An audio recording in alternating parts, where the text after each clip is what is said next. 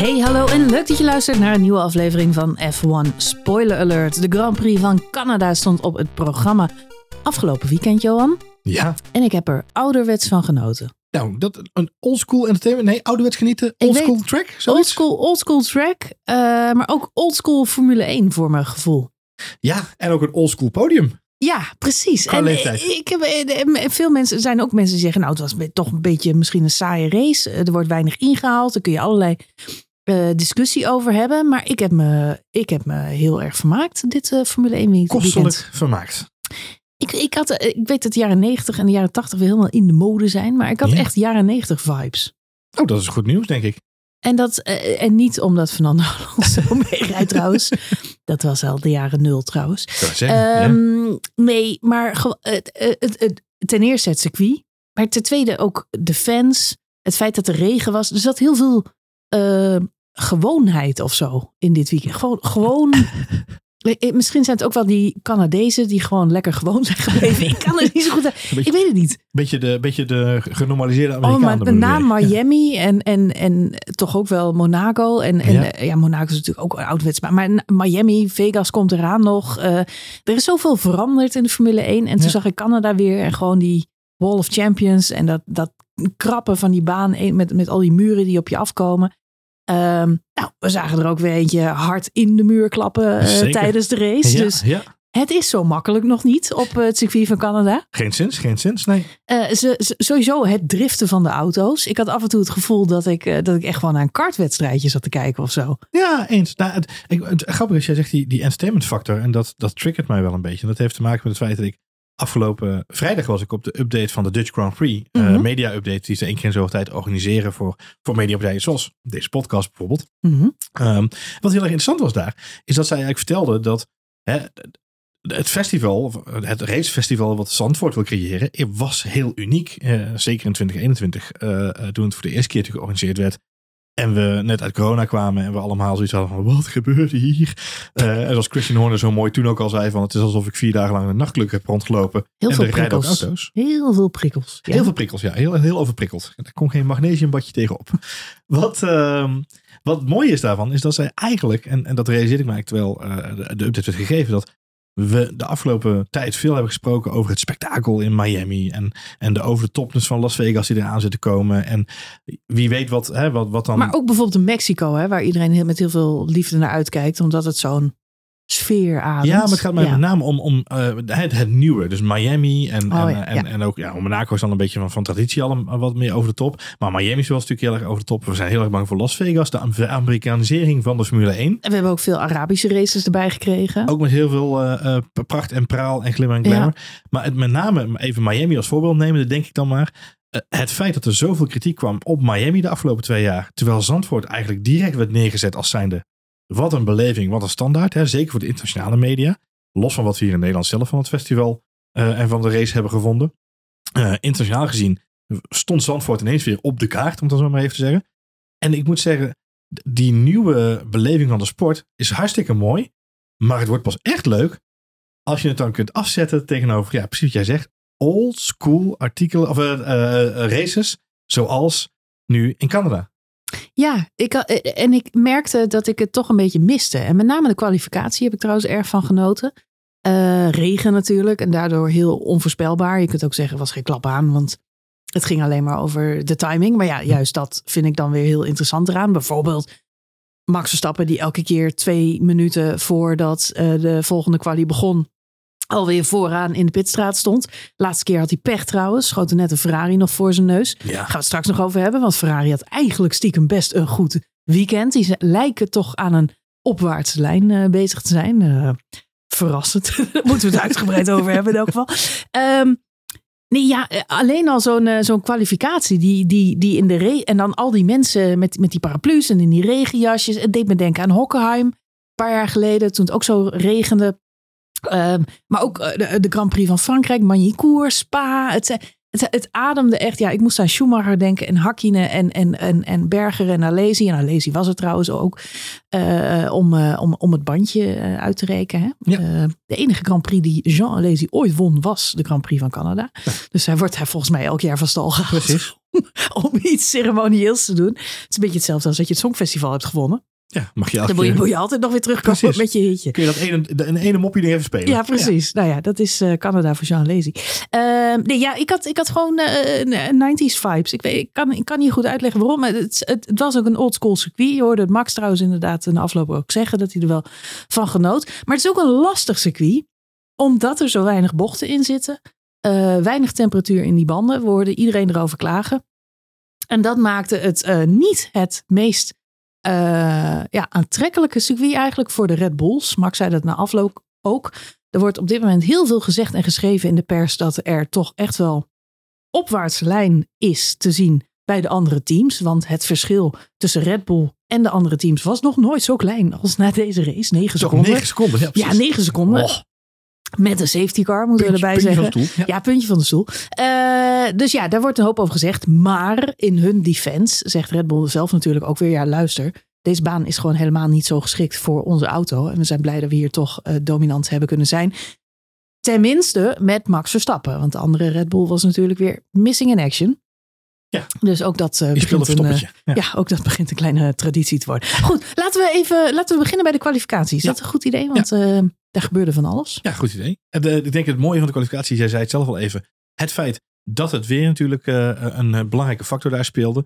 Het regende dat het groot in Canada, waar het tijdens de vrije trainingen nog eh, ja, best warm was en een aangenaam toeven voor de meesten.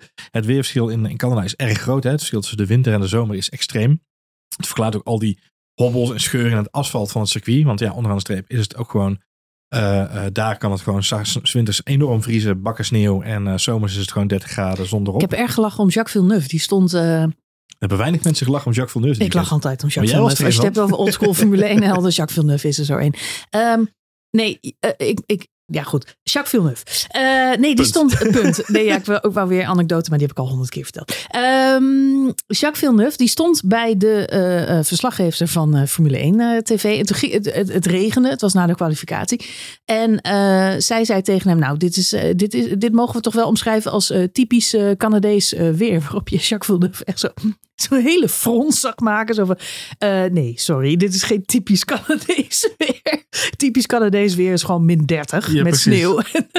Het is gewoon heel wat anders. Met- Maar de Engelsen die eh, vonden dit eh, typisch Canadees weer. Maar toen moesten ze zichzelf corrigeren. Het was eigenlijk meer Engeland, Engels zomerweer. Ja, Dat was het is toch eigenlijk. de verwarring hè, met die Britten. Die zijn ook al de hele wereld over geweest. Die claimen overal Die gewoon claimen overal gewoon. Dan het ook weer. Waarom rijden jullie eigenlijk niet links? En waarom spreken jullie Frans? Kun je gewoon bij Engels houden? ik vond het goed dat eh, Jacques Villeneuve ingreep. En, eh, en Nou, corrigeerde. Maar eh, Niet, terug naar je niet, de enige Ja. ingreep die Jacques van Leuven dit weekend gedaan heeft. Maar dat terzijde. Nee, ja, ik moest lachen over eh, Max Verstappen. Die toch wel de master was op dit moment. Ja. Of de... Dat is dan een zelfcorrectie noemen we dat. Ja, precies. dat was vijf jaar geleden ook nog wel anders. Zoals. Jacques, Jacques Villeneuve en Nico Rosberg hebben een 360 moeten maken. Wat zeg ik, een 180 eigenlijk. ten opzichte van Max Verstappen dit jaar. Het is dit jaar wel, ik moet wel zeggen, er is kritiek op het feit dat Red Bull zo dominant is. Maar er is ook wel universele waardering voor eh, het talent van Max Verstappen. Niet in de laatste plaats door de heer Lewis Hamilton. Eens? Die gisteren na afloop van de race liet optekenen dat dit toch wel echt een legendarisch podium was. Met, eh, ja, met drie eh, van de meest succesvolle wereldkampioenen uit de sport. Ja, dat dus. Dus nou, als Lewis Hamilton dat had moet Dat moet Jacques toegeven. Villeneuve wel mee. dat- ja, dat Ja. is wel waar. Nee, Goed, een klein, een klein, terug- de kleine was natuurlijk de helm van Charles Leclerc dit weekend. ja, Had een Gilles Gilles Villeneuve, Villeneuve helm. tribute helm. Ja. Dat was hij alleen even vergeten af te stemmen met de familie Villeneuve. Oh. En die helm heeft een trademark. Dus Oh. Jacques Villeneuve had gezegd tegen Charles Leclerc. Prachtig helmpje jochie. Maar stem het even af met mijn zus. Die is verantwoordelijk voor de juridische kant van het verhaal. Oh. Daar had social media en de media, media een, eh, een, een luchtje van gekregen. En vervolgens werd Jacques Villeneuve natuurlijk neergezet als de grote boeman die eh, de helm van Charles Leclerc niet wilde hebben. Ehm, uiteindelijk heeft eh, Charles Leclerc is gewoon lekker met die zus om tafel gegaan. Heeft de familie Villeneuve uitgenodigd in de paddock bij de Ferrari garage. Kom heel lekker goed, kijken. heel goed. Ehm, de helm laten zien. Uitgelegd wat zijn idee erachter was. En de hele familie Villeneuve zei, nou, dikke duim in de lucht, niks aan de hand. De volgende keer wel even checken, Charles. Want eh, ja, er zit een trademark op. En eh, er zitten gewoon commerciële belangen aan vast. Dat was die even vergeten afstemmen. Ik begreep dat eh, Gino Rosato de helm mee naar huis mocht nemen. Oh, nou, zal Gino blij mee zijn. Gino van Ja. ja. Canada. Het was voor hem een emotioneel moment dat, Dat geloof ik. dat deze Canadese helm, held geëerd werd op de helm van, Van Leclerc. Van Leclerc. Ja, Nou, goed. Dat, Terug dat naar de dus kwalificatie, terug naar de kwalificatie. Ja, het regende het dat het groot. Ja. Het voordeel daarvan is dat je in die kwalificatie natuurlijk alle auto's op de baan hebt en zoveel mogelijk rondjes willen rijden. Ja. Dus dat zorgt niet En het alleen begon, even side note, begon natuurlijk steeds harder te regenen. Dus hoe, de sooner, De the sooner, the better. better. Dat De- was ja. eigenlijk eh, in dit geval wel. het Ja. devies. Niet moeszoener, maar koeszoener. Eh in dit geval eh, iedereen naar buiten. En dat geeft natuurlijk een extra lading aan die kwalificatie. Want waar je normaal gesproken dan ziet, nou, eh, groep 1 gaat stint 1 rijden. Iedereen weer terug in de paddock of in de pitstraat. Even lekker zitten, bandje wisselen, rondetijden bekijken. Waar kunnen we optimaliseren? Iedereen moest nu eigenlijk vol tanken om die hele kwalificatie te kunnen rijden. En daarmee heb je dus een aantal dingen die gaan spelen. Eén, de baan wordt wel wat droger gereden doordat iedereen op intermediates rijdt. Twee, de benzine neemt op een gegeven moment af, want die auto's worden lichter. En drie, de weersomstandigheden zorgen er ook voor dat het af en toe op verschillende plekken van de baan hele andere omstandigheden heeft. Want we hadden namelijk een heel droog stuk en we hadden een heel nat stuk. Nou, deze optelsom van factoren, wat mij betreft, zorgde ervoor dat ik echt een puntje mijn stoel zat. Gewoon een beetje de hele kwalificatie lang. En dat is niet vaak voorgekomen. Nee, en eh, wat, wat, wat inderdaad interessant aan is, is dat het devies bij regens eigenlijk altijd blijft rijden. Eh, tenzij de baan opdroogt, dan heb je nog een kans om op slicks eh, iets te proberen. Eh, maar in principe kun je op die intermediates gewoon ronde na ronde doorgaan. En omdat de auto's rijden terwijl het regent, heb je ook nog kans dat de baan op sommige stukken juist opdroogt. Ja. Dus ja, wat jij zegt, dat maakt het interessant. Wat voor mij vooral, los van het feit dat Max elke keer vooraan ging staan. Ik, het zijn de kleine details, maar het doet me realiseren dat ze bij Red Bull en met name Max zelf eh, genoeg ervaring hebben opgedaan inmiddels met rode vlaggen in kwalificaties en pech in kwalificaties. Ze proberen die omstandigheden tegenwoordig wel echt voor te zijn. Nou weet ik, bij regen moet je sowieso eh, eh, ja, goed, zorgen dat je er snel bij bent. Eens? Maar hij was wel degene die steeds vooraan stond. Twee minuten voordat de pitstraat, soms drie minuten voordat de pitstraat überhaupt open ging. Alleen de laatste keer was Sainz misschien net even iets sneller. Maar, en je hebt ook nog te maken met spray. Maar als er eentje voor jou van de baan af, of net achter jou van de baan afstuitert, ja, dan wordt de hele training eh, gestaakt. En dan is er soms geen tijd meer om een snelle ronde neer te zetten. Dus hoe sneller je die bankerlap neerzet. En dat deed Max gewoon goed. En dan eerst een, al een hele goede ronde, die vaak al snel genoeg was. En dan ging hij ronde na ronde na ronde sneller eigenlijk. Alonso zat er erg lekker in de buurt. Eh, liet ook zien eh, waar die van gemaakt is. Was, eh, was indrukwekkend. Maar een paar gasten die gewoon weer positief opvielen. Dat je dacht, oh, die kunnen echt wel rijden. Nou ja, nou, ik denk dat voornamelijk inderdaad na die eerste rode vlag, hè, de eerste, de eerste kwalificatiestint, eh valt natuurlijk vrij snel een rode vlag. Ja. Dan zie je dat iedereen, want ik moet zeggen, aan het begin van de kwalificatie kwam iedereen vrij ontspannen, die baan opgekoest. Zo van, nou ja, we zullen eens even een paar rondjes op de intermediates gaan rijden. We nemen onze tijd. Maar toen viel vrij snel een rode vlag. Gelukkig viel het reuze mee. eh, en kon de boel snel weer opgestart worden. Maar je zag wel dat iedereen dus oh ja, wacht even. Dit risico lopen we wel natuurlijk in deze kwalificatie. En dus was iedereen ineens weer eh, als kippen bij om inderdaad zo'n 2,5, twee minuten voordat de, de, de groene lamp aanging, al in die rij te gaan staan. Niet alleen Verstappen, maar ook Alonso inderdaad, ook een Hamilton. Eh, ja, ik vind het toch verbazingwekkend om te zien dat ze dan die auto daar neerzetten, laten afkoelen. Ze zijn dan op dat moment ook niet bang dat die, die bandentemperatuur gaat za- zakken. Dat heeft intermediate sowieso natuurlijk heel weinig zin. Ja, het, het, brengt wel weer het racen terug naar, het- naar de basis. Namelijk de auto starten en zo snel mogelijk proberen een rondje neer te zetten.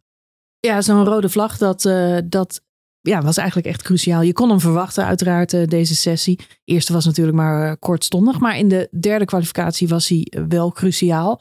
Piastri crasht daar. En ehm, ja, wat je eigenlijk ziet is eh, dat de mannen daarna wel weer de baan opgaan. Maar het heeft allemaal geen zin meer. De meesten maken hun rondje niet eens af. Nee. Alonso die zegt het al bij het verlaten van de pits. Hij zegt niemand gaat meer verbeteren. Dit heeft geen zin. Eh, Max rijdt geloof ik gelijk weer naar binnen. Laat daarna nog wel de full wets eronder zetten. Just in case. Ik Ja. denk, gaat hij nou gewoon om te oefenen misschien nog even weer terug naar buiten? Even een stukje driften. Nee. Heeft natuurlijk allemaal geen zin meer. Eh, nee, wat, wat, wat, wat opmerkelijk is aan de quali is natuurlijk dat we een aantal eh, mensen alweer eh, kwijtraken. Het is een tombola.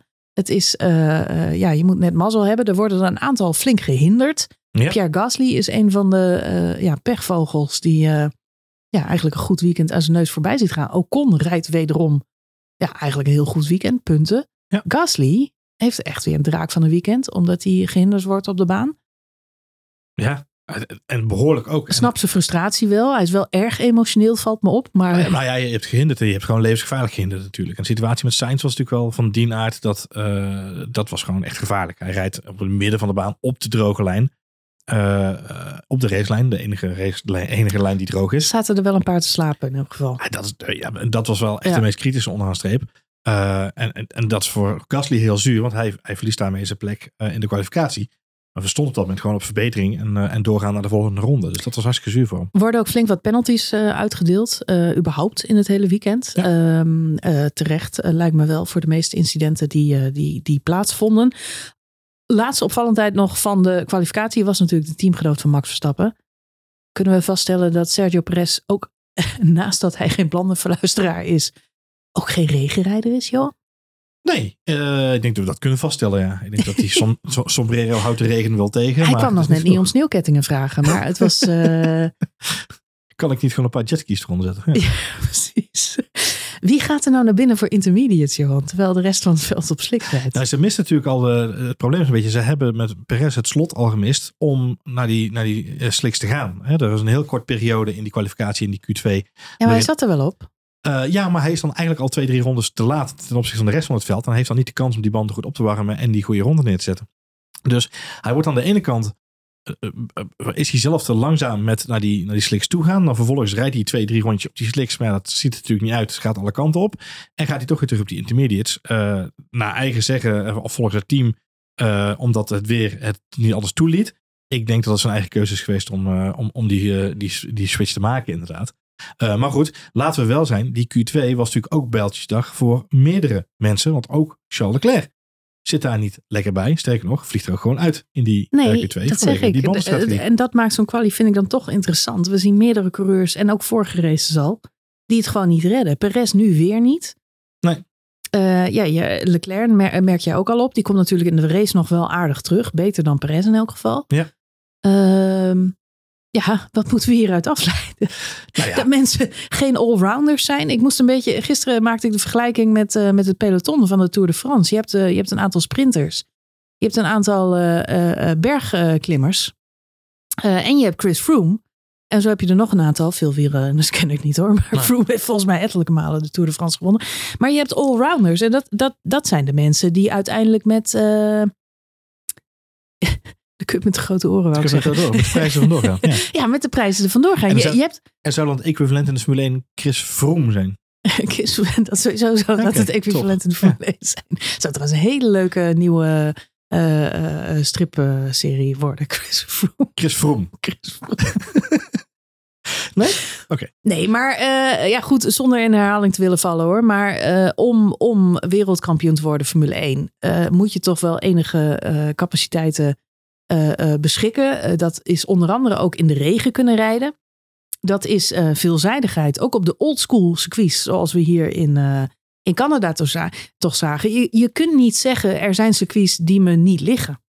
Nee. Als je wereldkampioen wil worden. En ik denk, hè, er wordt veel gezegd over het prachtige podium wat we hadden. Ik moet zeggen dat ik er gisteren ook op die manier naar gekeken heb. Um, uh, Max Verstappen, uh, Fernando Alonso en uh, Lewis Hamilton. Iedereen zegt het is een saai Formule 1 seizoen. Maar als ik die drie mannen op het podium zie staan, dan denk ik en verdiend. Het zijn by far de drie beste coureurs die op dit moment in de Formule 1 rondrijden. Perez, ja echt. Ik, nou, afgang uh, de afgelopen drie, vier races. Kan echt niet. Uh, George Russell in de muur. Klein foutje, zei hij zelf. Grote gevolgen. Ja, ja noem het maar gerust een groot foutje, George. Um, hoeveel jaar zit die gast inmiddels al in de Formule 1 auto? Ik snap dat het gebeurt, maar het mag eigenlijk niet meer gebeuren. Charles Leclerc, heb ik het al eerder over gehad. Misschien de enige die zich nog aan de rand van deze top 3 mag melden, vind ik, op pure snelheid. Want ik vind Charles Leclerc echt wel een van de allersnelste mannen op de baan. Ja. Zeker in de kwalificatie. Maar maakt uiteindelijk toch ook te veel foutjes om die, om die allrounder te zijn. En ik blijf het zeggen, wanneer komen ze daar overheen, Johan? Wanneer melden ze zich echt voor de top van het autoracen? Want de, re de rest laat het gewoon afhaken. We moeten het op dit moment hebben van twee oude mannen van 38 en 41. Die echt, echt, echt op de toppen van hun kunnen presteren, vind ik. En ene Max Verstappen. Die ja, soort van uh, geboren is in een Formule 1 auto. die gewoon niet anders weet en niet anders kan. En volgens mij zoveel endurance rijdt. dat uh, 72 ronden vooraan de Grand Prix van Canada rijden voor hem gewoon echt uh, zondagochtend is. Het, nou, het, het is. Uh, hij moest er wel even met zijn aandacht bij blijven. Hij moest, ja, precies. Ja, maar goed, eigenlijk uh, kost het hem natuurlijk geen moeite. En ik vond het heel schattig dat Fernando Alonso na afloop zei: ja, je probeert toch een beetje druk erop te houden en te kijken of je hem kunt verleiden tot een foutje. Um, dat vind ik de sportman in Fernando Alonso. En ik vond ook heel mooi dat hij zei van onze rondetijden waren toch wel aardig gelijk. Dat klopt. De top drie reed ook echt gelijk rondetijden. Nou, het verschil was ook niet zo groot. Um, dus daar moet je hoop uitputten dat je inderdaad toch dichterbij gaat komen. En als Ja. het kampioenschap echt maar spannender wordt. En laten we ook heel blij zijn dat het Fernando Alonso en Lewis Hamilton zijn. Die nog een beetje weten aan te haken op Max Verstappen. Want dat zijn wat mij betreft ook de enige twee. Waarover Max zich nog een heel klein beetje zenuwachtig zou moeten maken. Omdat zij net als hem bestand zijn tegen de druk als het erop aankomt. En de rest, met alle respect. Maar daar hoef je niet echt voor te vrezen, Johan. Nou, zeker niet in dit kampioenschap. We dat Nee, die gaan, die gaan Nee. eerder zelf een foutje maken dan dat ze jou dwingen tot een foutje, Johan. Ik denk, ik denk wat je heel goed zegt inderdaad, is dat je een aantal dingen nodig hebt om, eh, om, om die titel te kunnen strijden. En dat is dus inderdaad capaciteit als hè, kwaliteiten als coureur. Eh, Jan Lammers omschreef het afgelopen vrijdag eh, tijdens die media-update nog, nogmaals een keer als vakmanschap. Hij zegt Max is een vakman in die auto. En ik, ik denk naarmate je de races volgt dit seizoen, je dat ook meer ziet. Datzelfde zie je trouwens ook bij Alonso en Hamilton terug. Hè? Dus het is niet alleen eh, Max die dat heeft, maar inderdaad de drie mensen op het podium van dit weekend zeer zeker. Eh, de manier waarop zij feedbacken over de auto, hoe ze hun engineers updaten, hoe ze de race analyseren terwijl ze in de auto zitten. Dat is een, dat, dat is een kwaliteit. Hè? Dat, dat- is heel belangrijk. En dat kun je dan nog in, in verschillende maten eh, hebben. Hè? Je kun je of heel goed in zijn of een beetje hebben. Maar je hebt ook dan een goede auto nodig. Nou, dat, dat, daar heeft Red Bull zeker niet over klagen op dit moment. Ehm, eh, maar ik denk dat dan het verschil tussen Sergio Perez en Max Stappen laat zien. Wat dan het verschil maakt van een coureur in die goede auto. Hè? Je kunt wel een goede auto hebben, maar zet er een andere coureur in. Dan is de prestatie ook niet wat het is. En dan heb je nog als laatste factor het team om je heen waar je mee te maken hebt. Nou, we hadden het even over de kwalificatie. Charles Leclerc wordt in principe gewoon genaaid door zijn team. Want die gaat naar buiten, naar die eerste, in de tweede kwalificatieronde. En zegt, jongens, ik denk dat het wel kan met Slicks. Ik denk dat het wel kan. Hij is een van de eerste die het zegt. Rijdt ze rondjes? Nee, maar Max Verstappen heeft ze juist op Inters een rondje gezet. Ja, natuurlijk heeft Max Verstappen op Inters een rondje gezet. Want die rijdt in een raket. En die kan op die Inters gewoon een bankerlap zetten. Die competitief is voor die top 5 of top Ja. 10. Dus dat kan hij maken. Dat kan Charles Leclerc nog niet. Met die auto van Ferrari op dit moment. Dus hij moet elk voordeeltje wat hij kan pakken, moet hij pakken. En daarom zien we Albon gewoon die tweede kwalificatie bovenaan eindigen. Want die heeft dat als enige wel goed door. Namelijk, oké jongens, ik denk dat we naar, naar Slicks toe moeten. En na afloop zegt zijn team ook. Ja, eh, Alex had gewoon heel goed door dat we naar Slicks toe konden. Die zei gelijk, we doen het. Nou, naar buiten en gaan met die banaan. En je ziet, hij heeft er heel veel rondjes op gereden. En daardoor had hij gewoon die snelste ronde op een gegeven moment te pakken. Ik denk dat dat ook, zeker voor Charles Leclerc, heel veel reden is voor frustratie. En als je frustratie mee een auto inneemt, komt dat je prestatie niet ten goede. En ik denk dat hij elke keer, ook dit weekend zagen we weer, ondanks het feit dat er goede prestaties zijn geweest, zien we toch dat er discussies zijn bij Ferrari tussen de coureurs en de pitmuur. Opvallend. Opvallend veel discussie. Er is Ja. heel veel dialoog. Ik heb het zelf nu de pitstop dialogues genoemd bij Ferrari. Hè, de pitstop dialogues beginnen weer. Ondertitel Stay out, stay out. Precies. We're checking. dat, is de, dat is de sequel. Ehm, we'll Get Back to You is de derde. Eh, dus het is een hele trilogie die er elke keer gaande is. Tussen die coureur en die, en die engineer. En ik, weet je, dat helpt niet bij het optimaliseren van je, van je prestaties. Vergelijk dat met Max Verstappen en, en, en GP bij Red Bull. Jongens, ik heb geen grip op deze banden. Eén keer. Oké, dankjewel voor het melden, Max. Tweede keer. Jongens, ik heb geen grip op deze banden. GP, bedankt voor het melden, Max. We hebben de boodschap gekregen. Head down en doorrijden. En nu doorrijden. En Max accepteert dat. Ja. Want dat is de relatie tussen een engineer en een coureur. Maar ook omdat hij vertrouwen heeft in zijn engineer. Hij zegt, oké, kennelijk moet ik Hij zal doorrijden. wel moeten, ja. Precies. Er zit niet zoveel anders op. Nou, en dat is denk ik, hè, dus het teamsamenspel. Ook in zo'n kwalificatie wordt dat dus onder een vergrootglas gelegd. Hoe werkt het team samen met de coureur? De coureur overziet de hele baan, het team de data. Hoe werken ze samen?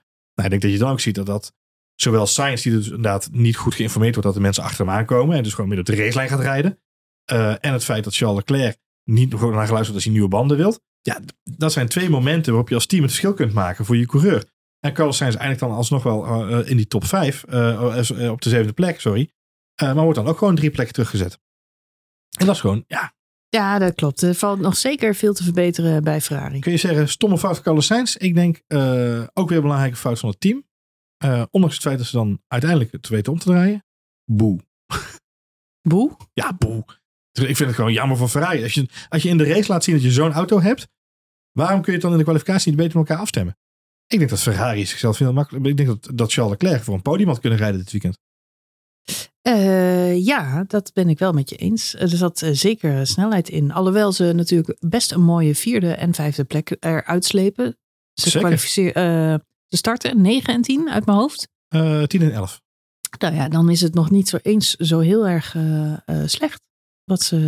Nee, het is absoluut niet slecht. Het is een hele goede recovery. Maar onderaan de streep ontneem je jezelf een podiumplek. Charles Leclerc heeft dit jaar één keer eerder op het podium staan als Baku. Uh, hij had er gewoon weer kunnen staan. En dat was voor Ferrari een wereld van verschil geweest. En nou, nogmaals, ik denk dat het nu 4-5 is prima. Maar Perez was nergens te vinden. Die speelde verstoppertje achter Sainz. Uh, uh, de baan is droog op zondag. In het voordeel van Ferrari. Dus als je gewoon je kwalificatie op zaterdag net iets beter op orde hebt. Maak je het zelf een heel stuk makkelijker op die zondag. Hoe komt het dat Perez er ook in de race totaal niet aan te pas kwam? Het heeft natuurlijk alleszins geholpen dat Ferrari op een eenstop strategie uh, reed, was uh, riskant. Leek ook even de verkeerde keus. We zaten allemaal te kijken. Oh nee, Ferrari, wat doe je nu weer? Ze gingen voor track position. Iedereen ging pitten bij die eerste safety car situatie. Nou, dat leek gewoon hartstikke verstandig. Ja.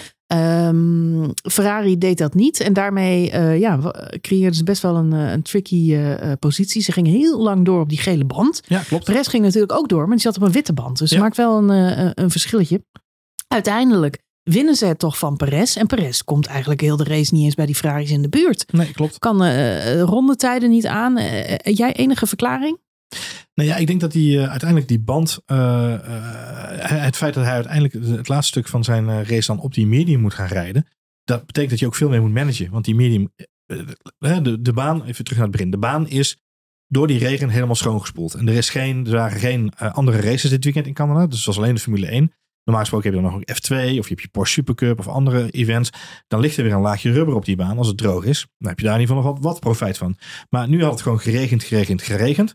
Uh, de dag daarna is alleen de race. Dus er is geen, geen, geen andere sporting uh, uh, event op dat moment. Mm. Dus die baan is helemaal, helemaal, helemaal brand clean. Nou, dat betekent dat de slijtage op de banden ook een stuk hoger was dan dat de mensen, de, de engineers sorry, van tevoren bedacht hadden. Max komt ook op de boordradio en zegt op een gegeven moment: I think uh, tire degradation is worse than FP2. Met andere woorden, hij zegt: de banden slijten nog sneller dan dat we in vrije training 2 hebben kunnen meten. Want daarom draaien ze als een training. Ik denk dat de bandslijtage een stuk slechter is. Dat zie je ook in de praktijk terug, omdat die hard en die medium heel dicht tegen elkaar aankomen te liggen. Uh, qua, qua hoe qua ze performance. Ja. ja, dat was natuurlijk ook in de eindfase zo spannend, omdat Fernando Alonso als enige besluit om naar een harde band te gaan. Ja. Lewis Hamilton en Max zitten allebei op een gele band. En je denkt een hele tijd, oh nee Alonso, je zit op de verkeerde band. Waarom kies je niet voor geel? Ze stoppen ongeveer allemaal, alle drie in dezelfde ronde. Twee van de drie kiezen voor geel en eentje gaat voor wit. Ja. Maar je hebt wel gelijk, want de rondetijden waren nagenoeg hetzelfde. Nou, die, die hard die heeft op een gegeven moment, en dat is ook de fase waar Max het over heeft, die heeft een slijtagefase, dan is de grip kwijt. En als je daar doorheen rijdt, dan is die weer. En dan wordt het eigenlijk gewoon een soort van extra stevige medium. Dat is grappig, want een hard is een extra stevige medium. um, maar dan heb je eigenlijk die medium plus plus, om het zo maar even te zeggen. Dat voordeel hadden de Ferraris ten opzichte van Sergio Perez. Die hadden aan het einde van de race veel meer uh, rubber over, om zo maar even te zeggen. Ten opzichte van de mediums van Perez, die gewoon heel veel moest lift en coasten. Om te zorgen dat die banden niet te veel oververhitten.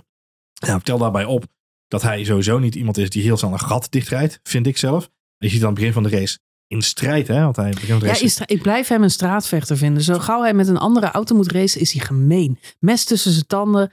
Uh, ja, draait die auto ervoor. Ik zei tegen jou, hij zegt als, als defense, weet je, een minister of defense van Max Verstappen, is hij de perfecte nummer twee. Want als hij iemand uit de weg moet ruimen, zou je bijna zeggen, dan moet je Sergio Perez hebben. Ja. Maar ja, als het er niet om gaat of hij hoeft niemand achter zich te houden, gewoon puur op inderdaad een gat dichtrijden of iemand inhalen of, of zichzelf terugwerken of meh, Ja. het is nog niet zo indrukwekkend als we sommige andere coureurs wel Nee, eens zeker- hebben zien doen. En zeker niet in deze auto. En dat is denk ik het grootste verschil. En op de Ja. een of andere manier gaan we toch weer naar de situatie toe waarbij deze auto hem dan niet ligt op de traditionele circuits. Eh, was natuurlijk altijd wel een beetje het verhaal. Ook Nou, met, de, met de vorige RB's. Ja, en we hebben het net al vastgesteld dat de RB eh, op dit circuit ook niet zo'n heel groot voordeel had ten opzichte van de andere auto's. Max finisht uiteindelijk negen seconden ervoor. Heeft denk ik nog wel wat over, maar niet heel veel. Nee. Dus ja, wat kon Sergio Perez op die, Ja, op die zesde plek? Ik True. denk niet dat hij heel veel meer kon. Nee. Net zoals dat Max niet heel veel meer kon om weg te lopen Nee. bij, bij Alonso. Hij gaf zelf aan dat de safety car daarin een, een belangrijke rol speelde. Daar had hij het meest last van gehad, gaf hij aan. Maar ik weet niet Max? of- nee, eh Perez in dit Oh, geval. Perez. Ja. Ja. Ik, ik weet niet of dat waar is. Ik denk juist dat de safety car hem in de kaart had kunnen spelen. Ehm, maar dan had hij gewoon net wat meer met het mes tussen de tanden Van moeten rijden. natuurlijk op een ongunstig moment. Aan de andere kant, op, hè, daardoor ze, de levensduur van zijn witte band werd daardoor wel weer verlengd. Dus, maar goed. Ja, de, het, valt of staat bij hoe snel rij je een gat dicht bij naar een coureur toe. En hoe lang eh, heb je nodig om bepaalde s- stukken te overbruggen. Hij kon in elk geval geen potjes breken. Dat was het verhaal. Eh, wie ook eh, enige gebreken aan zijn auto leek te hebben, dat was Fernando Alonso. Ja. Eh, je noemde net al even lift and coast, lift and coast. We hoorden dat tijdens de race, met name in de boordradio bij, eh, bij Fernando. Bleek achteraf dat er helemaal geen issue aan zijn auto was, Johan. Oh. Hij heeft voor niks lopen liften en coasten. Ze hebben in de interviews na afloop eh, bekendgemaakt dat, eh, dat ze dachten dat er een issue was met de fuelpomp. Ja, Bleek niet het geval te zijn. nou, Ze hebben zich mis, laten misleiden door de data. Wat in elk geval opviel eh, tijdens de race. toch is- maar weer die data-revolutie. ja, toch maar weer er niks data. aan. Ja, het is natuurlijk wel, wel een beetje sneu. Want we zagen Fernando ja, ook met het mes tussen de tanden. Die dacht eh, daadwerkelijk dat hij de race kon gaan winnen. En geef hem eens ongelijk. Eh, ik in elk geval niet. Ehm, Sowieso nooit doen. Nee, sowieso nooit Ja. doen. Ja, nee, ik zou het ook niet heel erg vinden als hij, eh, als hij Max gewoon een keer had ingehaald en de race had gewonnen. Dat is voor het kampioenschap alleen maar leuk. En voor alle Fernando Alonso fans, eh, denk ik. En ook voor Max Verstappen fans. Alleen maar leuk. Ehm, maar wat natuurlijk even spannend was in die eindfase, is het feit dat hij echt ja, behoorlijk op de hielen leek te worden gezeten door Lewis Hamilton. Ja. Ze had op een gegeven moment anderhalve seconde achter Alonso. Eh, bleek dus dat Alonso eigenlijk zijn auto een beetje aan het, eh, aan het eh, nurturen was. En vanaf het moment, dat was eigenlijk de laatste tien rondjes van de race, kreeg hij te horen, eh, laat maar gaan. Je kunt gewoon weer voluit. Ja. Ja, toen eh, reed hij het gat even naar vier seconden. Dus hij had wel daadwerkelijk harder gekund. Hij had ruimte over, zo maar hij had ruimte over. Maar als, hij, als, hij nou, als ze nou niet die issue eh, hadden, hadden verzonnen. Ja. Eh, ja, wat had hij dan nog aan de start? Dan had hij in elk geval, zoals hij eh, van plan was, Max enigszins onder druk kunnen zetten. Bleek gewoon een, eh, een engineer te zijn die moest niet zitten over de boordradio. Ik vraag me af of hij nu baalt dat het een nep-issue was. Dat hij denkt, ik had toch het kunnen proberen. Of dat het hem juist motivatie geeft om de volgende race ja, nog, nog meer het gevoel te hebben dat, dat het mogelijk is. Nou ja, ik denk, ik denk dat bij Fernando Alonso is het altijd beide. Beide. Ja. dus ik denk dat dat sowieso vooropgesteld eh, het geval is. Ik dacht in eerste instantie dat het het gevolg was van het feit dat hij die, eh, die muur natuurlijk raakte. In de Ja, daar had het niks mee te, had het niks mee te maken. Ik Dat denk, hij dachten ze bij daar, Mercedes ook. hij heeft maar, daar zijn, zijn, rem, zijn, zijn Ja. rem, zijn remduct, zijn geramd. En daar overhit nu zijn achterband van. Vraagteken. Maar dat bleek natuurlijk niet zo te zijn. Nou ja, eh, grappig. Ik zei al, misschien, misschien dat het een engineer was die moest niezen over de boordradio. En die zei, we have an issue. En dat hij dacht, we have an issue. Ja, nee, Ja. het is, eh, het is eh, ja goed, we zullen het nooit weten. Maar het was in elk geval spannend om ze zo dicht bij elkaar te zien. Wat ook spannend is nu, is de strijd om, de, om het kampioenschap, maar ook om de constructeurs. Ja.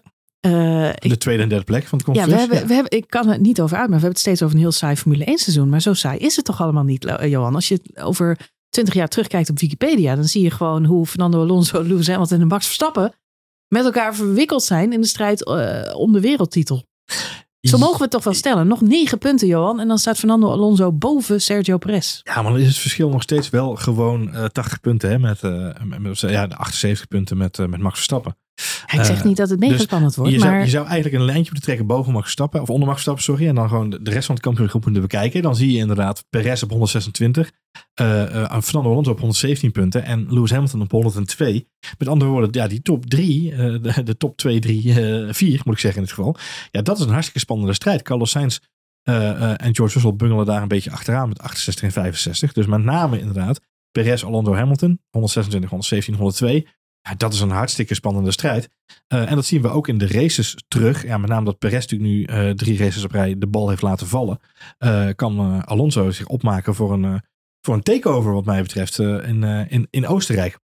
En dat zou mij ook niet verbazen als hij dat gaat doen. Want het is ook, je het hebt over een snel racecircuit, dat is Oostenrijk. dat is waar. Het is natuurlijk wel Red Bull's thuis Grand Prix. Dus die zullen ook alles uit de kast trekken om daar een 1-2 te pakken. Ja, maar als het al rammen ze vijf blikken Red Bull bij Perez en zijn reet.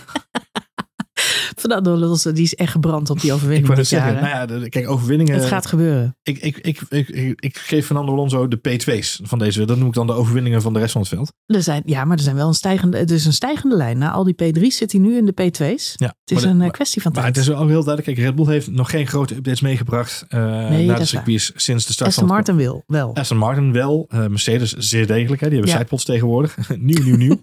Ehm, Ferrari heeft updates meegebracht. Eh, Williams heeft updates meegebracht. Moeten we het ook nog even over hebben. Over die Ja. updates van Williams. Red Bull moet nog komen. Die gaat volgende race gaan ze het hele veld op een randje rijden. Nou ja, dat is de vraag. Je weet natuurlijk nooit wat het- Oostenrijk. hoe het gaat werken. Maar de, het verhaal is wel dat eh, Red Bull staat ook niet stil. Dus eh, eh, Nee, dat leuk, leuk dat mensen nu dichterbij komen. Maar aan de andere kant, Red Bull staat ook niet stil. Dus ik, ik streep Max Verstappen een beetje af. En dan kijk ik naar wat daaronder gebeurt. En Ja, dat is genoeg als we hem dit gewoon de, de beker geven en de, de rest van, van het veld zouden volgen als zijnde daar gaat het om, dan hebben we een heel spannend Formule 1 Ja, als we de afspraak maken dat als hij op Zandvoort is en het is nog steeds zo'n groot gat, we hem dan gewoon een bekertje geven en dat, dat hij dan van vakantie mag. Precies.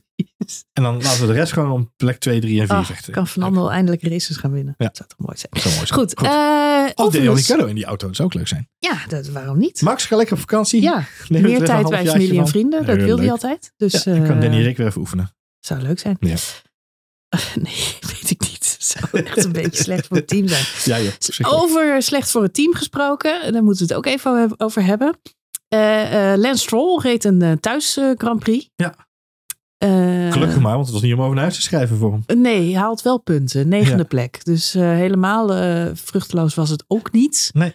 Maar ik had helemaal gemist dat het zijn thuis Grand Prix was. Volgens mij zei een van zijn engineers het na afloop. Toen dacht ik, oh ja, Ja. Dit is een thuis Grand Prix Ja, voor daar- Lance Stroll. Maar ik heb hem het hele weekend niet gezien eigenlijk. Echt, echt ook in Montreal geboren, volgens mij. Dus oh, god, echt thuis, Nou. thuis, om het zo maar te zeggen. Nou, daarom waren er natuurlijk ook... Ik dacht, er zijn heel veel Fernando Alonso fans. Hadden allemaal Aston Martin shit. Maar dat was natuurlijk voor Lance Stroll.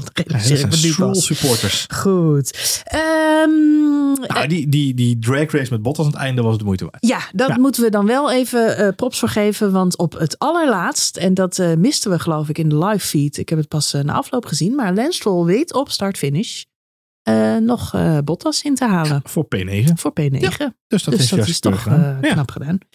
Ehm, ja, andere teams waar het eh, eh, eh, niet zo heel erg lekker gaat. Dat moeten we toch ook even melden. Dat is eh Alfa Tauri. Ja. Dit was wel weer echt een moeilijk weekend, Johan. Ja, maar die hebben gewoon een moeilijk laatste. seizoen. Ja, ja nou, Nick, Nick heeft Ze- natuurlijk een, een akkefietje met, met Magnussen. Eh, Tsunoda die rijdt iedereen in de weg, krijg ik de indruk. Die, die, en hij is boos, altijd. Ja. Maar ze staan nu officieel laatste in het kampioenschap. Ja. Ik ga het zo over Williams hebben. Maar ehm, ja, dit is wel eh, dramatisch. Hoe, hoe kan het dat eh, je aan de ene kant Red Bull Racing hebt... die eh, gewoon in een league of their own zoveel beter zijn dan de rest... Ja. En het zusterteam is op dit moment het allerslechtst presterende Formule 1 team op de grid. Hoe kan dat verschil zo groot zijn? ja, dat geeft, een aantal dingen geeft dat weer. Ik denk, eh, waar we het eerder over gehad hebben, is de coureurs in een auto. Eh, ten tweede, er is een auto ontworpen en de interpretatie daarvan is, is misschien wel gedeeld, hè, om het zo maar even te zeggen. Maar ik denk niet dat de auto één op één gekopieerd is van de ene naar de andere. Die relatie is niet meer zoals die was. Dat was natuurlijk vroeger wel een beetje meer zo, maar dat is echt niet meer zo. Eh, dus hè, het is een Alfa Tauri ook om een eigen interpretatie te maken op hetgene wat er staat. Ehm, en dan heb je gewoon het team. Hoe, functioneren de engineers en de mechanics en, en de coureurs met elkaar samen in één synergie. En ik moet eerlijk zeggen, als ik Frans Toost in de eh, eh, media hoor op dit moment, ja, vind ik hem niet die positieve, jolige, nou, een jolige is hij nooit echt geweest misschien, maar eh, niet diezelfde positieve, op, opleidende eh, head of uh, Alfa die die al die jaren wel geweest is. Ik heb ook een beetje het idee dat zij, en, en misschien is dat wel het gevolg van de afgelopen zes jaar, zeven jaar sinds Max Verstappen in, in Toro Rosso kwam te rijden. Hè. Als je kijkt wat er gebeurd is met, met, al, met, met het Red Bull opleidingsprogramma, ja, dan zit daar ook een gewoon hele rare beweging in. Tsunoda komt in principe binnen via de Honda-route, om het zo maar even te zeggen. Nick de Vries wordt extern ingekocht. Vanuit het juniorenteam van Red Bull is er eigenlijk heel weinig doorstroom geweest de afgelopen jaren. De mensen die ze wel hebben gehad, die hebben ze kaart afgeserveerd. En, uh, en, en die Zitten zijn nu allemaal bij andere teams. andere teams zijn ze uh, Gasly, Sainz, wisselend succesvol. Ja. Dus ik denk niet dat het iets is van alleen van dit jaar het gevolg is. Maar ik denk dat wat we bij Alfa Tauri nu zien, is een beetje de, de roofbouw die er gepleegd is in de afgelopen vijf, zes jaar. Op zo'n team qua kennis en kunde. Hè, er zijn ook wat mensen vertrokken bij het team. Maar ook in uh, uh, motivatie en, en, en, en, ja, goede vibes die er in zo'n in zo'n team zitten. Ik denk dat dat gewoon uiteindelijk ook killing is voor een, uh, voor een team als AlphaTauri. Eens. Frans Toost. Toost. Toast. Toast. Toast. Toast. Tast. Tast in het duister. Um, stopt. Ja. Na dit seizoen. Die is toast. Ja. ja. Denk jij dat er uh, van de grond af aan uh, opnieuw gaat worden opgebouwd bij dat team? En daarmee bedoel ik niet alleen nieuwe teamleiding, maar ook nieuwe coureurs. Ja, moeilijk. Kijk, Tsunoda. Uh, ik vind het moeilijke van Tsunoda is, hij heeft wel een plekje verdiend in de Formule 1. Um, ah, het is ook allemaal wel een beetje gerommel in de marge, Johan. Ja, maar uh, dus Tsunoda eens, Nick de Vries wordt het gewoon heel zwaar voor. Uh, maar dat wisten we eigenlijk allemaal al sinds het begin van dit seizoen. Dat dat gewoon een hele uh, pittige rit voor hem zou gaan worden. Um, het heeft ook te maken met het materiaal. Maar ik denk ook dit weekend ook weer een aantal keren. Dat ik denk van ja, je bent ook gewoon op het verkeerde moment op de verkeerde plek. En dan maak je de verkeerde beslissing. Ja, dan is het drie keer achter elkaar is het pech hebben. Um, kijk, Lauren, Lauren McKee komt natuurlijk die kant op. Uh, vanuit Ferrari. Uh, dat wordt in principe de nieuwe teambaas. Ferrari heeft hem, uh, laten hem gaan. Um, die zal heus wel zijn eigen manier van werken gaan implementeren. Dus dat betekent dat we in ieder geval kunnen lachen met de boordradio's volgend jaar bij AlphaTauri. Um, maar of je echt de... Ik weet niet of ze het voor elkaar kunnen krijgen om daar een compleet nieuw team neer te zetten. want dan zal je echt met jong talent weer moeten gaan werken. Ja, dat, en dat is natuurlijk de vraag. Maar ik, ik moet een beetje denken aan, uh, aan, aan voetbalclubs, uh, waar het op een gegeven moment helemaal uh, het grote, het grote doorselecteren, zeg jij. Ja, op een gegeven moment moet er gewoon door worden geselecteerd. Inderdaad, dat, dan moeten de junioren uit de jeugd komen. En dan beginnen we gewoon helemaal weer opnieuw. en dan moet er gewoon nieuw gebouwd worden. Dan heb je een tussenjaar waarin het allemaal niks is. Je zou ook kunnen zeggen, en dat realiseer ik me natuurlijk ook wel, dat Iedereen heeft tijd nodig om zich aan te passen aan de Formule 1. We zien de laatste jaren niet heel vaak meer dat mensen maar één seizoen de kans krijgen om Formule 1 te rijden. Vroeger was dat gebruikelijker dan nu. Um, het vergt denk ik nogal wat om, ja. uh, om, om, om, om, om je aan te passen. We zagen dat ook in, uh, in Drive to Survive met, uh, met Yuki Tsunoda. Die had echt moeite om, ja, om zich thuis te voelen in de Formule 1. We zien hem in, in, in die serie ook verhuizen naar uh, dichter ja. bij de fabriek. En ja, hij krijgt ja. een personal coach en een trainer. En uh, ja, hij moet echt een beetje aan de hand worden genomen. Ik denk dat mensen van Nick de Vries toch wel een beetje de, de hoge verwachting hadden. Omdat hij eigenlijk al wat ouder is. Meer ervaring heeft in verschillende autosportklassen. Dat hij wel even 1, 2, 3 zou instappen. Ik denk, uh, ik weet niet hoe jij er tegenaan kijkt. Maar dat hij misschien toch wel enige moeite heeft om zich aan te passen aan de Formule 1 lijkt het. Ja, ik de, de, de, de, het is natuurlijk wel een andere sport in die zin. En uh, het is een andere wereld. De, de, de, de dynamiek is heel anders. Dus ik denk dat dat wel te maken heeft met elkaar. Um, aan de andere kant, als je zegt het is Red Bull en ze moeten doorselecteren vanuit hun eigen jeugdteam. Hè, van hun eigen junior pool. Ja, dan krijg je diezelfde situatie krijgen. Want we hebben nu in de, in de, in de Formule 2 hebben ze een aantal jongens rondrijden. Daar zouden ze mee aan de slag kunnen. Maar dan neem je hetzelfde risico. Namelijk mensen die uit de Formule 2 klasse komen. Die de stap mogelijk moeten maken. Denk jij dat uh, Helmut Marco stiekem toch een klein beetje baalt als hij dit weekend Pierre Gasly en met name Alexander Albon ziet rondrijden? Nee, want dan zou Helmut Marco beschikken over relativeringsvermogen en zelfreflectie. En dat is iets wat iemand in zijn positie zich niet kan uh, veroorloven. Dus. Moest wel lachen trouwens, uh, speaking of missed opportunities, dat Toto Wolf uh, in de media vorige week liet weten dat hij er zeker van baalt dat hij Max Verstappen destijds niet gestrikt heeft. Ja, nou, maar ik denk dat we als Formule 1 wereld daar heel dankbaar voor mogen zijn. Dat denk ik ook. Het, het verhaal is, uh, ging dat uh, destijds uh, hij ook bij Mercedes een optie was. En ook gesprekken heeft gehad met Toto Wolf en Niki Lauda. Echter, ze wilden hem daar maar een eenjarig contract aanbieden. Terwijl het bij Red Bull om een langdurige samenwerking ging. Nou, en het belangrijkste was dat ze bij uh, Mercedes, en het is natuurlijk al een keer eerder naar buiten gekomen via Jos, is dat ze bij Mercedes ook gezegd hebben, we willen je wel een contract aanbieden, maar dan ga je eerst naar de Formule 2. Nou, Max reed natuurlijk in de Formule 3 ja. op dat moment.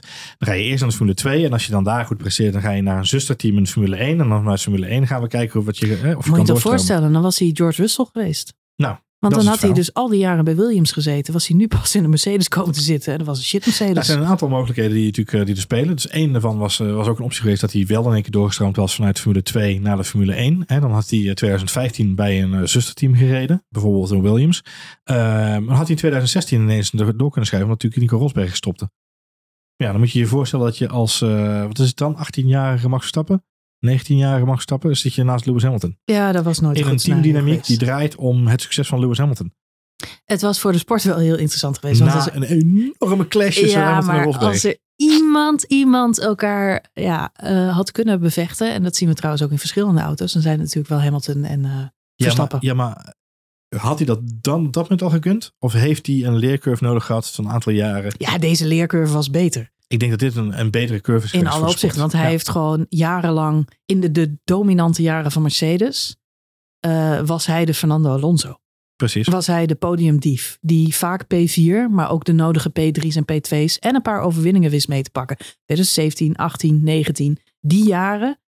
Uh, ja, daar heeft hij natuurlijk uiteindelijk veel meer uh, van geleerd. Ja, eens. Um, bij Red Bull, Liam Lawson zou kunnen. Rijdt nu een superformula uh, binnen het team. Zou kunnen doorstromen naar AlphaTauri. Uh, je hebt Dennis Hauger in de Formule 2.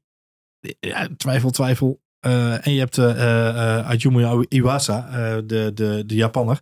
Die volgens mij nu zijn tweede of derde Formule 2 seizoen rijdt. Supersnelle Japanner. Maar ja, aan de andere kant, je hebt al een supersnelle Japanner in die auto zitten. Dus de vraag is eventjes, wat wil je dan doen? En dan heb je Daniel Ricciardo nog onder contract staan. Uh, Terug in een Alfa Tauri. Ja. Dat zou het zijn. Ja, wie weet. In plaats van het juniorenteam wordt het dan het seniorenteam. Een seniorenteam. Nou ja. Dat is ook leuk. Kijk, je zult wel iets moeten. Als je... Vettel daar ook terecht?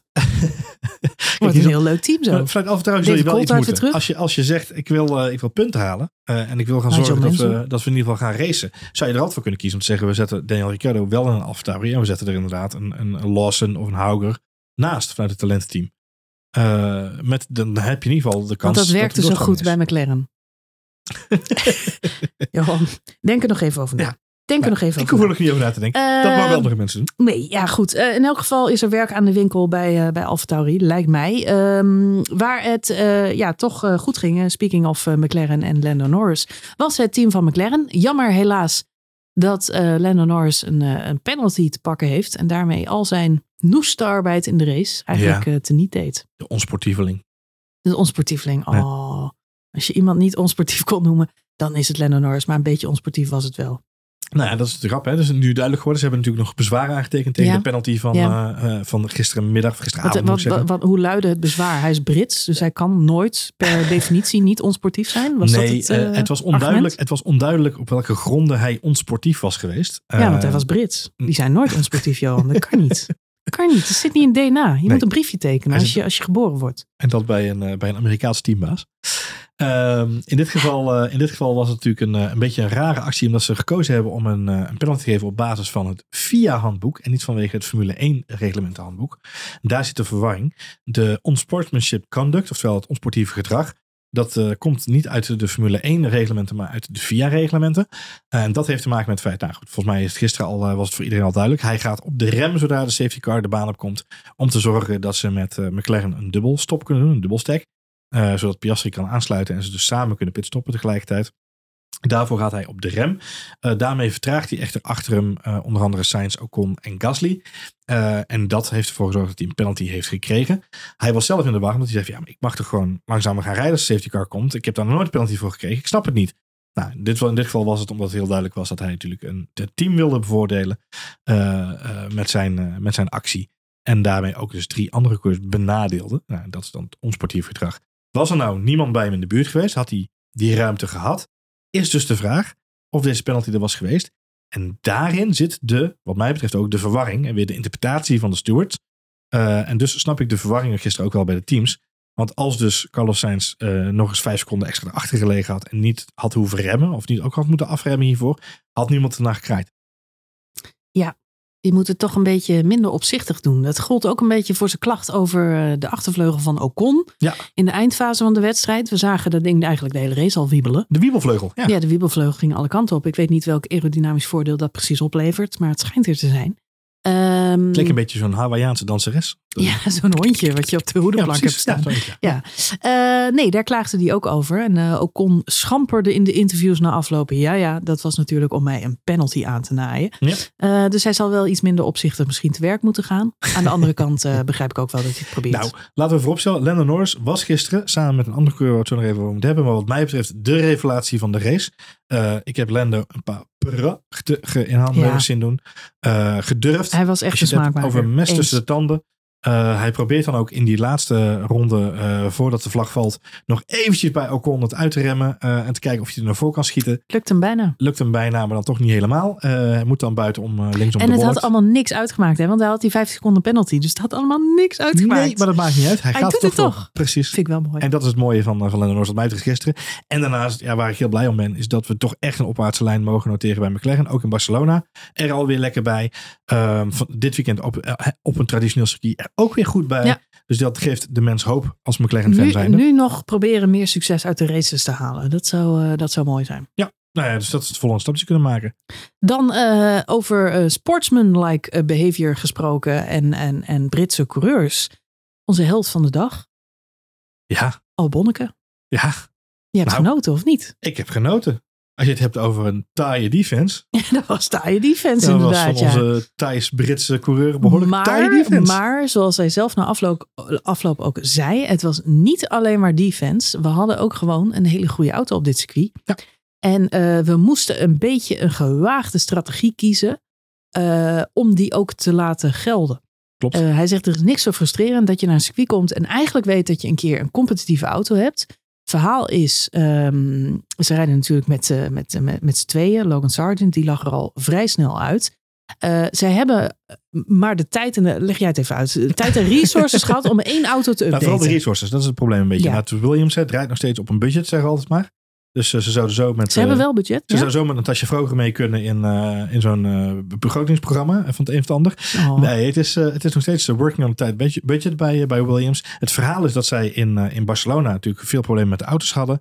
En ze daar besloten hebben als team: we trekken alle updates naar voren naar Canada. Nou, dat betekent dat er in de fabriek knetterhard moest worden gewerkt.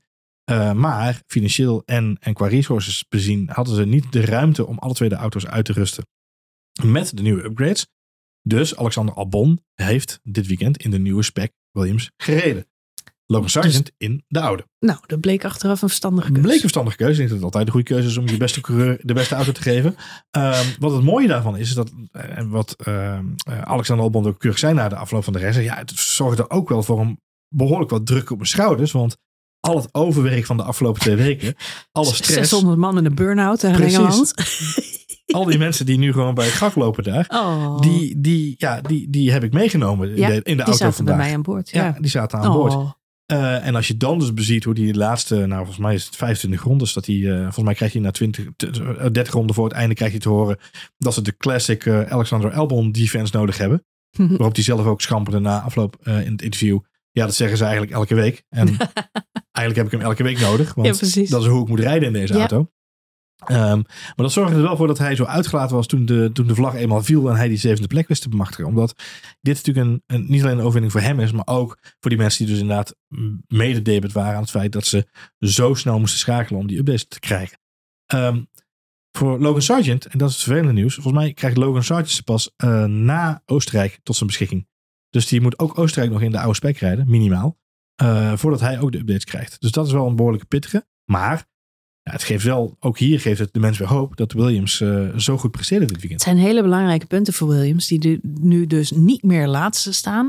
Komt ook omdat het bij Alfa Tauri dus uh, bijzonder slecht gaat, kun je wel stellen.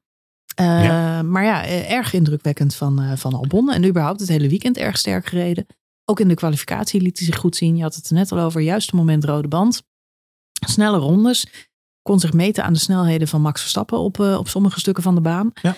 Uh, het timing was helemaal goed. Ja, het gaat toch wel lekker, vind ik, bij dat team. Ze weten in elk geval wat er nodig is om dit uh, uit de hoge hoed te trekken. En Albon is ook de man die dat voor elkaar krijgt. Ja, dus, wat natuurlijk heel mooi is, ja, precies wat jij zegt. Het is eigenlijk de, de, de, de, ze hebben natuurlijk Jim Vowles overgenomen van Mercedes. Ja.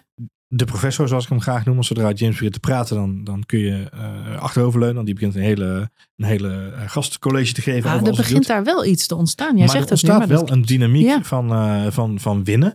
Uh, en van, van de sport op een bepaalde manier bekijken. En ik denk dat dat iets is wat, ik, wat, ik, wat ze echt gemist hebben bij Williams. Hè. We hebben natuurlijk Claire gehad. Die binnen haar eigen vermogen. En, consolideren. En consolideren. Juist, ja, maar wel ook met het gedachtegoed van de familie natuurlijk bleef rondlopen. Vervolgens hebben we uh, uh, vorig jaar een tussenfase gehad waarin ze hebben geprobeerd om met de nieuwe investeerders en met een aantal mensen uh, er toch weer een draai aan te geven. Nou, ik denk dat onderaan streep, uh, volgens mij, uh, Joost Capito hartstikke capabel, maar niet in staat om, om de dynamiek van het Formule 1 team aan de zwengel te brengen. Ja, Verhaal komt natuurlijk met een bak met, met kennis en ervaring vanuit Mercedes binnenwandelen. Heeft een bepaalde visie bij de sport. Ehm, tel daarbij op ik denk dat Logan Sargent echt een hele enthousiaste en... en, en uh, uh, Enthousiast? Ja, ik denk... Dat is een woord wat me niet te meteen te binnen schiet als ik Logan Sargent Nou ja, als je, als je, als je hem uh, buiten de baan volgt. Ja. hij is heel gedreven in zijn sport. Hij, okay. hij beleeft sport wel op een bepaalde manier. En ik zeg niet dat hij qua talent het heeft om erbij te blijven. Mm -hmm. Maar ik denk dat hij vanuit zijn, zijn intrinsieke motivatie wel een goede aanzwengel is van, dat, van hetgene wat ze willen creëren. Alexander Albon is van nature een positief mens die gewoon altijd van het goede uitgaat en, uh, en probeert het meeste eruit te halen. Met een enorm grote glimlach en heel veel lol. Dat is eigenlijk al twee jaar lang zo bij Williams.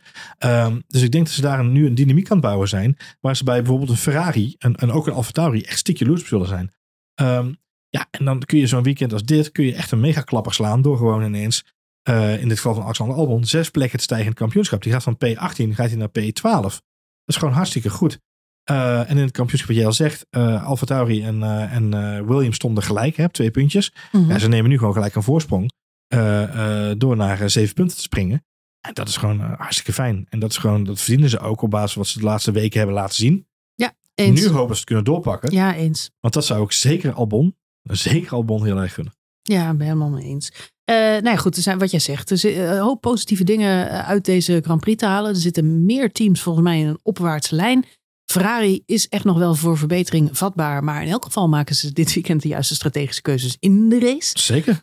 Uh, dus dat, uh, dat is uh, knap. Het zag eruit dat het een HBTFje zou worden, maar dat werd het niet. Dat werd en het dat niet. is ook wel eens een keer goed te Tot onze aller verbazing. Maar wat echt voor mij belangrijk was, Marlene, ja. en ik, ik, weet niet of jij op hetzelfde spoor zit, maar ik heb een aantal keer opgeschreven in mijn notities. P7 tot en met P15 zitten in elkaars DRS-zone. Ja, er waren DRS-treinen. DRS, ja. En dan kun je zeggen, oh, de DRS-treinen, verschrikkelijk. Nee, het is niet verschrikkelijk. Dat betekent dat er gewoon 7 à 8 auto's binnen een seconde van elkaar konden blijven rijden. Klopt. Gedurende hele stukken van een Grand Prix. Dat kunnen we ons toch niet meer herinneren sinds 2014, als het niet langer geleden is, daarvoor nog. Ik bedoel, dat is zo lang geleden dat we zo lang auto's dicht bij elkaar hebben zien rijden. Dat is echt insane. Dat klopt. Het enige wat wel echt, en hier hebben we het vorige podcast uitgebreid over gehad, waar wel echt naar gekeken moet worden, is uh, ja, de, de mogelijkheid om in te halen lijkt alleen maar kleiner te zijn geworden de afgelopen jaren. En um, dat een van de redenen daarvoor is gewoon dat de auto's steeds groter zijn geworden. En alles is gefocust op die aerodynamica. En hè, dit mag er binnen de specs die door de FIA worden uh, uh, uh, opgesteld. Ja. Echter, wat je ziet, twee jaar geleden werden die nieuwe auto's geïntroduceerd. En het hele doel van die auto's was dat ze dichter bij elkaar kwamen te zitten. Ze zouden dezelfde eigenschappen hebben. Um, en daardoor zouden er veel meer inhaalacties moeten ontstaan. In de praktijk zijn de auto's groter geworden. Lijken ze helemaal niet meer zoveel op elkaar. Uh, zitten er juist grote verschillen in. Want iedereen zoekt natuurlijk naar zijn concurrentievoordeel. En daardoor kunnen ze elkaar helemaal niet meer zo goed inhalen. En Nee. dat, dat, ja, dat, daarmee hebben ze toch de plank een beetje misgeslagen. Ik ben heel benieuwd hoe ze dat eh, gaan oplossen. Nou, ik pakte het afgelopen vrijdag eh, eh, nog even terugpakken naar die media-updates vanuit de Dutch Grand Prix op Zandvoort. Eh, een van de sprekers, er ook wat, wat gastsprekers op het eventje daar. En een van de sprekers was Ernest Knors. Voor de mensen die hem niet kennen, een oud-engineer van onder andere BMW. Ehm, hij heeft in Formule 1 eh, meerdere jaren gewerkt aan meerdere mooie auto's. En, en heeft bakken met ervaring. Hij hield echt een fantastisch verhaal over de evolutie van de auto sinds de jaren 80 tot aan eigenlijk anno nu, hè, 2022. Wat hij terecht zei is, eh, want de vraag kwam ook vanuit het publiek van, joh, luister, eh, hoe zie jij dat dan voor je? We hebben het gezien in Spanje ook weer, maar Monaco is natuurlijk logisch. Die auto's worden steeds groter, we kunnen wel dichter bij elkaar blijven rijden, maar inhalen wordt een uitdaging. Ehm, wat hij zegt, en is ook iets wat wij al vaak gezegd hebben in de podcast, is zolang de reglementen eh, gefocust blijven op het optimaliseren van de aerodynamica, dus alles is aerodynamica gedreven, zullen we met deze slagschepen blijven rijden. Want het gaat namelijk om downforce creëren, om de wind zoveel mogelijk van een auto af te laten glijden. Zodra je meer gaat werken met mechanische grip en andere manieren gaat kijken naar hoe je de auto sneller kunt maken, ja, dan wordt het weer een ander steekspel. Maar dat is nu op dit moment niet de focus van de Formule 1. De Formule 1 draait op dit moment over het zo aerodynamisch mogelijk maken van een hele snelle auto. Dus dat, dat is hetgene waar we de afgelopen 10 jaar, 15 jaar op gefocust hebben. Willen we echt fundamenteel iets veranderen aan, aan hoe die auto werkt? En dan gaan we eigenlijk terug naar waar we nu net aan begonnen zijn. Hè? Want daar hebben we de vorige podcast, voor de mensen die hem ge- gehoord hebben, met Rob Smedley. eh, die betrokken was bij de, bij de ontwikkeling van de 2022 auto. Eh, hè, da- daar is heel erg gefocust op zorgen dat je achter elkaar kunt blijven rijden. Dat je dicht op elkaar kunt blijven. Clo- close action racing. Nou, we hebben net een nieuw pad ingeslagen. Namelijk zorgen dat we die auto's dichter bij elkaar kunnen brengen. Dat zou betekenen dat je moet zeggen, oké, vanaf 2026, nou die auto staat ook al bekend. Dan betekent voor de Concorde Agreement daarna, dus dan praten we over 2030, dat we daar moeten gaan kijken, hoe kunnen we die auto's anders gaan vormgeven, zodat het niet min- minder gaat over die aerodynamica, meer over bijvoorbeeld mechanische grip of andere zaken. Nou, dan praat je alweer over, eh, het is zes jaar verder eh, Marjolein, dat is een heel eind weg. Eh, wat niet ver weg is, dat zijn 100 overwinningen voor Red Bull Racing, Johan. Ongelooflijk hè, wat een aantal. 41 overwinningen voor Max Verstappen. Net zoveel als Ayrton Senna. Ja. 200 Grand Prix overwinningen voor een eh, Adrian Newey. Mr. Newey zelf. Ik las eh, in een van de berichten dat er uit mijn hoofd zeg ik even 379, 397, even, eh, om en nabij, bijna 400 Grand Prix overwinningen bij elkaar op één podium stonden dit weekend. Ja, dat, dat, dat klopt. Waar- waarbij Adrian Newey by far de meeste voor 100 zijn rekening neemt met 200. 179 eh, voor de coureurs en dan Ja. 200 van Adrian Ja, Newey, dus nou. 379. Ja. Bizar. Bijzonder hè? Ja, heel bijzonder. Nou, wat het bijzondere van Max ook wel is, en dat is natuurlijk het leuke van, eh, van het getal wat je nu kunt, eh, dat kun je dan nu reduceren. Van die 100 overwinningen, 41 van Max, dat betekent 41% van die overwinningen zijn van, eh, van Max. Dat is dan een mooie rekensom. Sebastian Vettel is natuurlijk de nummer 2 met 38 overwinningen. Die heeft hij eigenlijk pas heel recent eh, eh, ingehaald. Ehm, maar dan is het een hele lange drop naar beneden. En dan komt eerst nog Mark Webber met 9 overwinningen. Zijn er dan 38 voor Red Bull? Ja, Van, eh, Vettel. ja, Ja, ja, ja. Van, van Vettel. ja, dus 38 voor Red Bull, 41 voor Max. Vettel staat nog boven Max in totale overwinningen. Dat zou kunnen inderdaad. Die heb ik even niet paraat. Hij heeft bij Ferrari natuurlijk ook. Wel een paar races gewonnen. Ja. Inderdaad, ja. Nee, dus je hebt eh Verstappen 41, Vettel op 38 voor Red Bull. Dan heb je Mark Webber, hey, helemaal naar beneden. Op 9. 9, Dan heb je Daniel Ricciardo 7, op 7. En dan krijg je Sergio Perez 5. met 5. Het is, de gat is enorm tussen Vettel, Verstappen en dan de rest. Ja, disclaimer. Er zijn wel meer races tegenwoordig, Johan. Eh, ja, Bijna twee keer zoveel als vroeger. jawel. Maar Vettel en, en Webber hebben wel een beetje in hetzelfde tijdperk gereden. Hè. Dus daar hadden ze ook al wel 20 races. Zeker, 18, zeker, 19 zeker. Maar goed. goed. Maar goed, het eh, blijven buitenaardse eh, prestaties. Nee, als je je realiseert dat Vettel inderdaad gewoon vier keer wereldkampioen wordt, geworden is op die manier. Ja, dat is gewoon insane. Max kan lekker zo doorgaan. Maar wat een respect ook eh, voor Adrian Newey. Die eh, deze auto eh, Ja, weer neergezet heeft. En de auto's waarmee ehm, eh, eh, Vettel natuurlijk ook al zijn successen behaalde. Klopt. En laten we niet vergeten in de jaren negentig ook voor het team van McLaren. Ja. twee keer de wereldkampioen. Wat zeg ik? Vaker. Nee, bij Williams leverde die natuurlijk ook de wereldkampioenen. Ja. Villeneuve en Hill destijds. En daarna ehm, twee keer Mika Hakkinen. Ja. Om de titel. En één keer de constructeurs. Ook met McLaren. En met Williams denk ik. Meerdere keren. Ja. Nee, één keer ook Williams. Volgens mij pakte Benetton die andere. Maar goed, zeg ik even uit mijn hoofd. In elk geval Een heeft hij... Hij is een goede autoontwerper, wil ik maar zeggen. Hij kan lekker tekenen. Hij kan goed auto's tekenen. Hij, kan tekenen. hij tekent graag. Heb je een auto nodig? Bel Adrian Newey. Zeker. Wanneer ik, ik elke keer, als ik, toen ik deze stads allemaal zo een beetje eh, voorbij zag vliegen, toen hij op het podium stond, toen dacht ik, moeten we bang zijn dat, dat hij wordt weggekocht? Hij is 65. Nee, Als, je, als ja. we hem kwijtraken, Johan, dan is alles... eh, Ze hebben hem net weer verlengd bij Red Bull. Uh, Mhm. En ze geven hem natuurlijk heel veel vrijheid en alle side projects waar hij mee aan de slag kan om te zorgen dat hij niet- zich niet gaat vervelen. Dus ik denk dat dat goed is. hmm. Ik denk dat er een punt gaat komen dat, eh dat, eh Max, dat eh Newey ook met pensioen gaat. En dat is denk ik wel het moment waarop er andere mensen opstaan om, eh, om te shinen. Ik ben wel heel benieuwd wat dat effect op de sport zal zijn. We zagen natuurlijk bij Schumacher en Benetton. Ik ben even zijn naam kwijt. De, de, de ontwerper van de auto van Benetton. Ehm, die is ook na het jaar nadat eh, eh, Schumacher kampioen werd, is die vertrokken. eh, volgens mij. Ehm, en en ja, daar had hij volgens mij ook gewoon een race kunnen blijven winnen tot hij helemaal het apenzuur zag.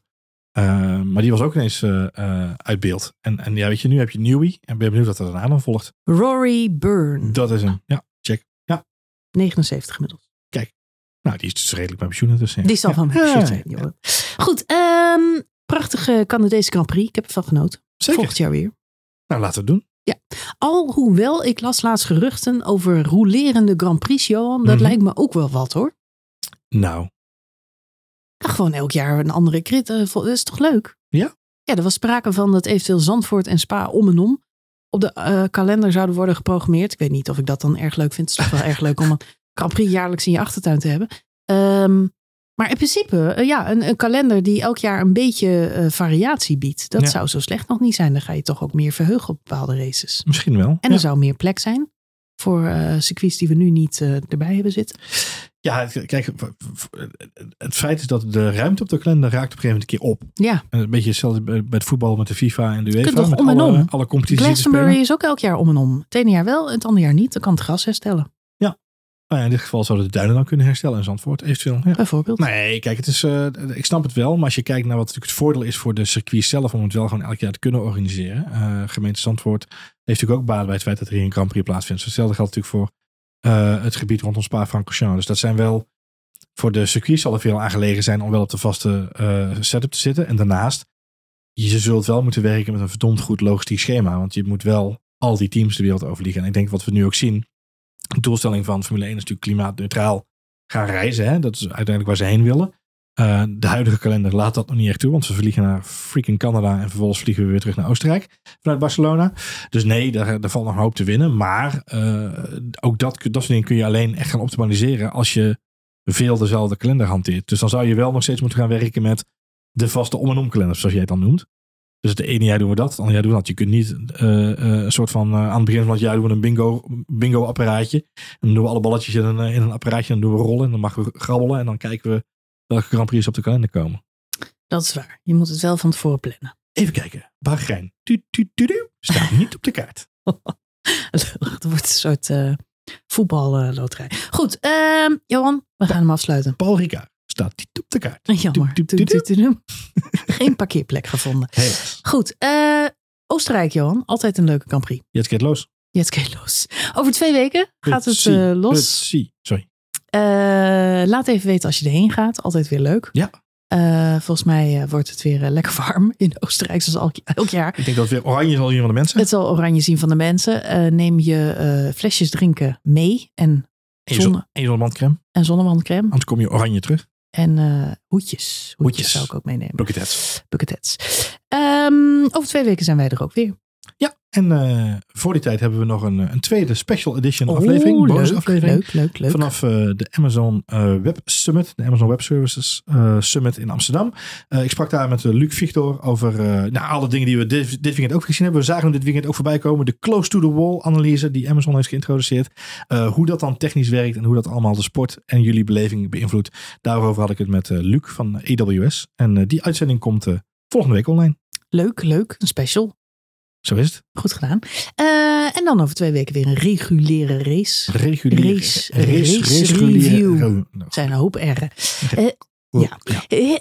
Wil je reageren? Mag. Kan het naar Twitter. Naar Twitter, ja. At Elon Musk. Voor een spoiler alert. Ja. Uh, Telegram. De Telegram. Chat. Chat. En voor een spoiler alert. Of Instagram kan het ook. Kan ook. Of ja. Johan Voets, at Marjolein. Heel erg bedankt voor het luisteren. Heel graag tot volgende week met onze special aflevering. En over twee weken zijn wij er weer met een review van de Grand Prix van Oostenrijk.